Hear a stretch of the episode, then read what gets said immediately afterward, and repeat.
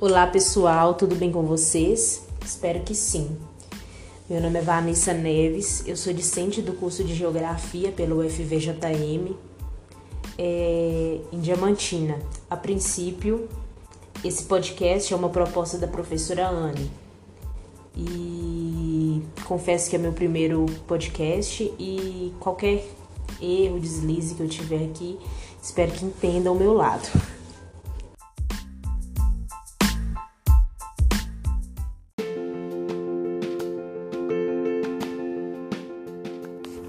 Hoje eu vou falar um pouco dos biomas brasileiros. Primeiramente, o que é um bioma? Biomas são divisões da biosfera, em grandes comunidades adaptadas às condições ambientais específicas. Fatores como latitude, temperatura, tipo de solo, altitude influenciam a fauna e flora de cada bioma. O nosso território brasileiro é abençoado. Ele possui seis biomas, são eles: Amazônia, Caatinga, Cerrado, Mata Atlântica, Pantanal e Pampas.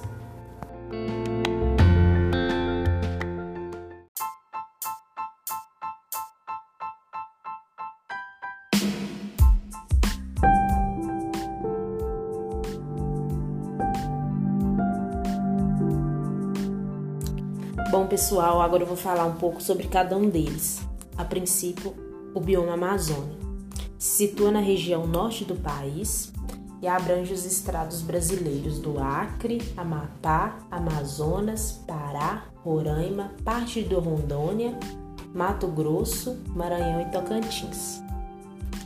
É, nesse bioma se encontra a maior reserva de água doce, a maior bacia hidrográfica também que é a bacia do rio Amazonas, que além do rio principal possui outros afluentes famosos, como o rio Madeira, o Xingu, Tapajós e alguns outros. A vegetação desse bioma é marcada pelas árvores de grande porte. As árvores transferem muita umidade para a atmosfera, por isso é chamada por muitos de pulmão do planeta Terra. Em média, 20 bilhões de toneladas de água por dia a floresta amazônica consegue transpirar para a atmosfera. É isso mesmo, é muita, é muita água. Algumas curiosidades desse bioma são: o Parque, do, o Parque Nacional do Jaú, criado em 1986, é o terceiro maior parque de floresta tropical do mundo, com área total superior à do estado do Sergipe. O maior peixe de água doce do mundo é encontrado no Amazonas. Trata-se do pirarucu, que atinge 2,5 metros de comprimento, pesando 250 quilos. É, a sucuri da Amazônia chega a medir 10 metros de comprimento. É muita cobra, gente. 10 metros. Meu Deus. Não pretendo encontrar uma dessas tão cedo na minha vida.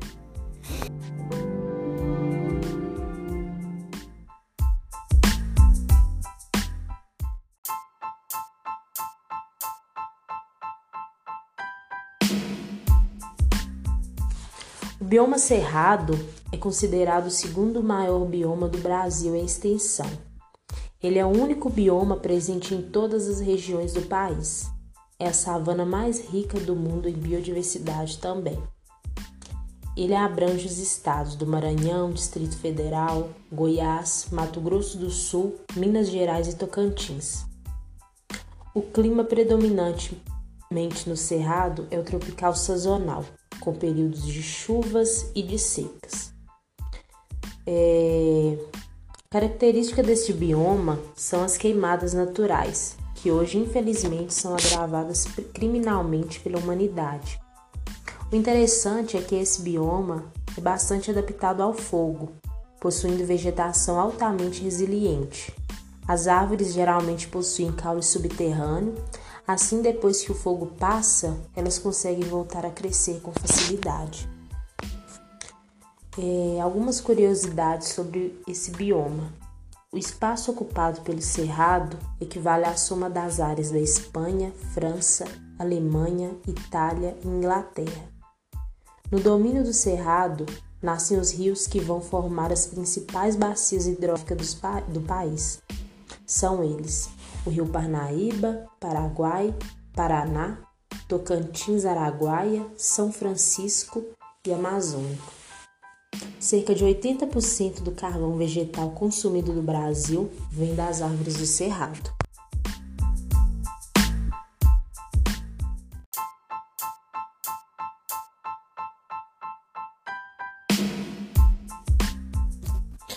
Bom, o bioma Caatinga ocupa grande parte da região norte do país. Ele abrange os estados do Ceará, da Bahia, Paraíba, Pernambuco, Piauí, Rio Grande do Norte, Sergipe e Alagoas. Os cactos são característicos dessa, desse bioma. A vegetação é geralmente arbustiva com médio porte e galhos retorcidos e folhas adaptadas para os períodos de seca. Algumas curiosidades desse bioma são: é, uma área da caatinga mais conservada pode abrigar cerca de 200 espécies de formigas, enquanto nas mais degradadas há cerca de 30 a 40. A perda das folhas da vegetação da caatinga é estratégia. Sem folhas, as plantas reduzem a superfície de evaporação quando falta água. E no idioma tupi, caatinga quer dizer mata branca, referência à vegetação sem folhas que predomina durante a época de seca.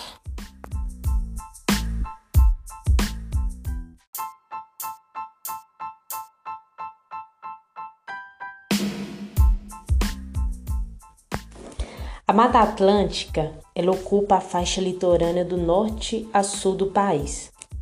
Assim, ela engloba a totalidade de três estados brasileiros: Espírito Santo, Rio de Janeiro e Santa Catarina, grande parte do Paraná e pequenas porções dos 11 estados. De 11 estados. É, o clima predominante é o tropical úmido, com altas temperaturas e índice pluviométrico. A vegetação desse bioma é marcada pela presença de árvores de grande e médio porte, formando uma floresta densa e fechada. Algumas curiosidades desse bioma são: é o, é o seguinte, é, a Mata Atlântica já cobriu cerca de 12% de todo o território nacional. Hoje restam apenas cerca de 7% da cobertura original da mata. É, parte da Mata Atlântica foi reconhecida pelo Unesco como reserva da biosfera no começo da década de 90. A reserva estende-se por cerca de 5 mil quilômetros ao longo da costa brasileira, com, a, com área total de 290 mil quilômetros quadrados. A exuberância, a imponência e a riqueza da Mata Atlântica marcaram profundamente a imaginação dos europeus, que continuaram, que contribuíram, quer dizer, para a criação de uma imagem da Terra paradisíaca, onde os recursos pareciam inesgotáveis. Os, os europeus eram completamente apaixonados por esse, por esse bioma, principalmente por esse bioma, né?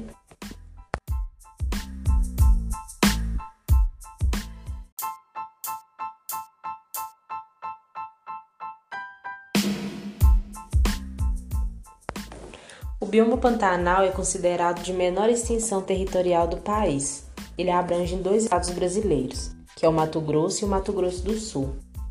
O clima é tropical continental, com altas temperaturas e chuvas. É geralmente de verão chuvoso e de inverno seco. A vegetação, a vegetação do Pantanal é marcada pelas gramíneas, árvores de médio porte, plantas rasteiras e arbustos. O nome desse bioma remete às regiões alagadas presentes, ou seja, é, algumas curiosidades sobre esse bioma são o seguinte: os primeiros habitantes da região do Pantanal foram os povos indígenas, Xaraés, que deram origem ao primeiro nome do lugar, Mar dos Xaraés.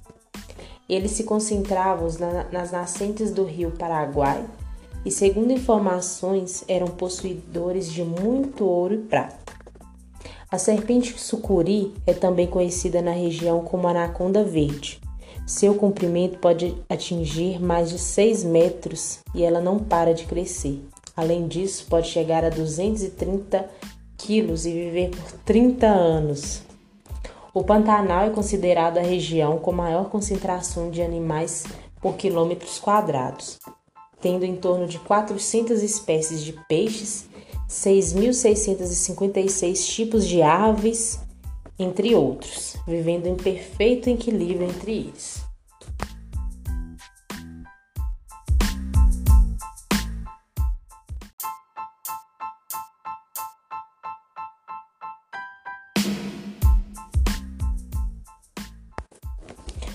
Pampa, para finalizar, é o único bioma brasileiro presente somente em uma unidade federativa.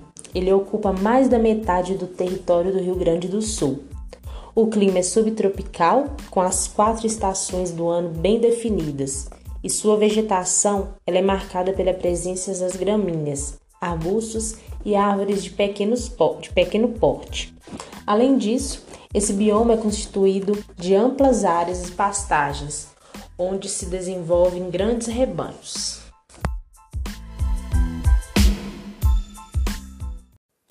Bom, pessoal, sobre os biomas brasileiros é isso. Espero que vocês tenham gostado e até mais.